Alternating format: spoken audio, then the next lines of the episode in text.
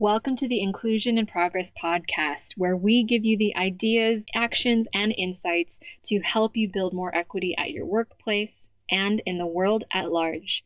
I'm your host, Kay Fabella, international expert on diversity, equity, and inclusion, a Filipino American living in Spain, and your guide in navigating this DEI journey. Having worked with teams at companies such as Philips, the IMF, Red Hat, PepsiCo, and more, I know firsthand that the work of inclusion only works when everyone has a seat at the table. Regardless of your personal entry point into this conversation, your race, ethnicity, gender, ability, age, sexual orientation, country of origin, or educational background, we all have a role to play in creating inclusion for all. And it starts with us having conversations we need to create the change we wish to see. So let's dive into today's episode.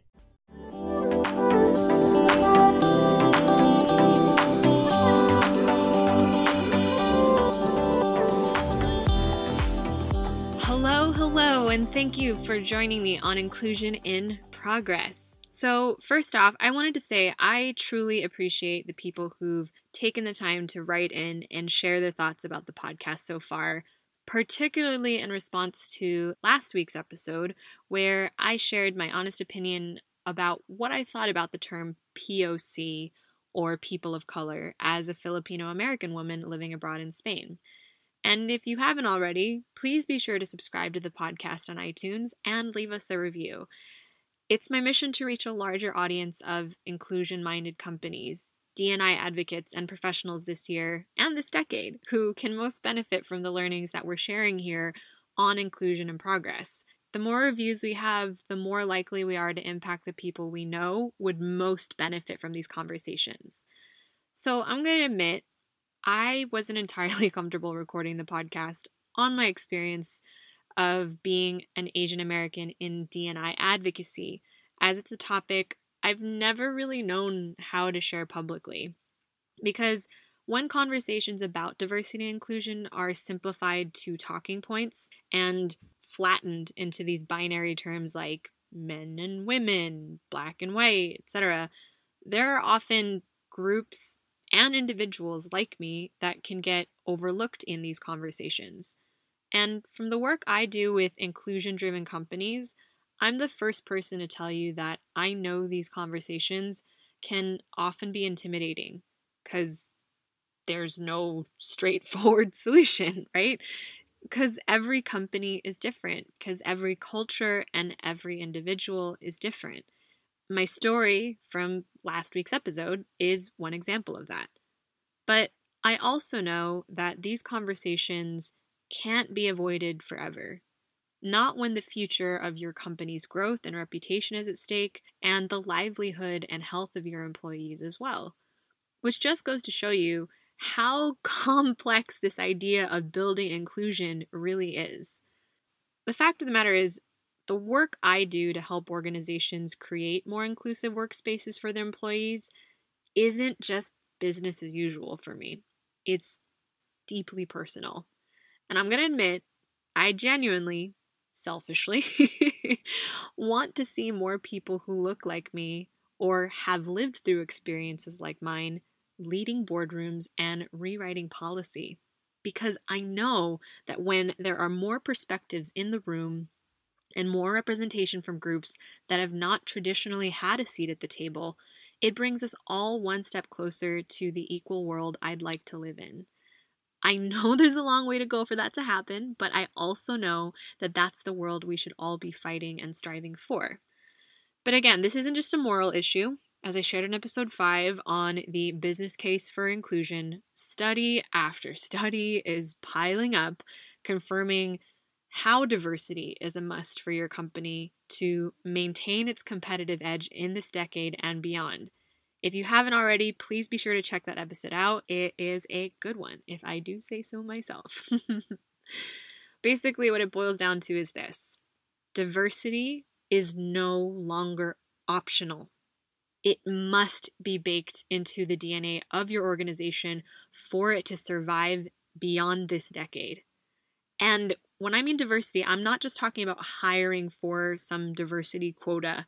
It's about creating an actual working environment where that diverse talent that you have hired and you've worked really hard to hire is more likely to stay and become your company's next generation of leaders.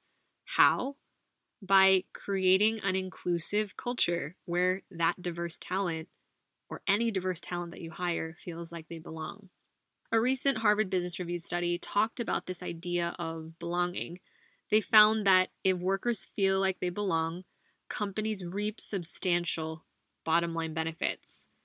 They actually said that high feelings of belonging or high belonging was linked to a massive 56% increase in job performance, a 50% drop in turnover risk, and a 75% reduction in sick days. If you're thinking of it in the context of a 10,000 person company, this would result in an annual savings of more than $52 million which is insane, right? because the main reason diverse talent leaves is when they feel like they don't belong. And now we actually have numbers to back up what's at stake if they don't feel that way. When I engage with companies in especially the financial services sectors like AXA and S&P or in technology like Nielsen, we focus on crafting a strategy to foster an equitable workplace that goes beyond just attracting diverse talent. Why? Because oftentimes, diversity initiatives in companies place more of an emphasis on the appearance of inclusion, meaning meeting these hiring quotas for talent from underrepresented groups as if it was some game of affirmative action. And I get it. This is a critical critical part of the solutions I help deliver. It's not to say that it's the it's a bad thing. It's just the first pit stop right? Once the individual from that minority group has been hired, we then have to look at what we're doing after they're hired to keep them around. Well, for example, what's the point of having a Maserati if you're not willing to do what's necessary to properly maintain it? I'm pretty much pulling Maserati from a Kendrick Lamar rap song. so I know they've got swag, all right? But that's as far as my expertise on cars goes, okay? But what I mean to say in that car-ish metaphor is it's important to think about your company's diversity inclusion initiative, if it's helpful, as a Maserati that requires careful care and proper ongoing maintenance to keep it running. Otherwise, it breaks down and falls apart and it's not worth the massive investment that you made in it in the first place. So, what can your organization do to keep diverse talent engaged and reduce high turnover? To answer this, we're going to look at the three main reasons your diverse talent is leaving and what your company can do about it. So, the first reason is your diverse talent doesn't feel supported and valued. This is pretty intuitive, but it goes without saying that if you don't feel like your company values or supports you, both implicitly and explicitly, you're more likely to leave for another organization that actually will value you, right? Research shows that minorities at work feel pressure to create these so called facades of conformity. That means checking part of who they are at the door, suppressing some of their personal values, feeling unable to bring their whole selves to work, and believing they should not in agreement with company values. It's important to create opportunities for employees from underrepresented groups to bring their full, authentic selves to work, which is shown, as we've said already, to boost engagement and help workers contribute more to your organization. Creating a support network for workers can go a really long way. Research also shows that when professionals from diverse backgrounds have solid relationships with their managers and coworkers, they're more satisfied and committed to their jobs. These relationships can grow through day to day work interactions, but also through the more informal get togethers. For instance, employees at one consulting company started a book club that focused on Black writers and coordinated visits to African American museums and historical sites.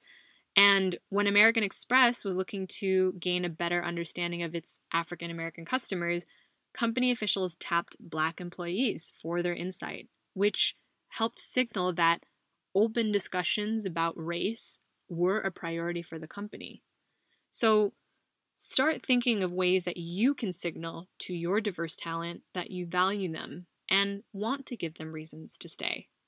One way I suggest doing this is through instituting mentorship programs, which are shown to be really beneficial for women and minority employees in particular. A 2017 study by Heidrick and Struggles found that companies that have formal mentorship programs in place have a competitive advantage over those that do not. When you connect new employees from underrepresented groups with senior level managers and leaders, you foster relationships and connections that help your diverse talent feel valued within the organization. So, the second reason your diverse talent is leaving is because they don't feel like they have opportunities for advancement.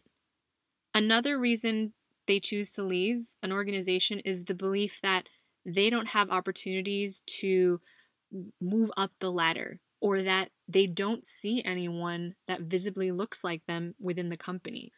And they feel like an only more often than they don't.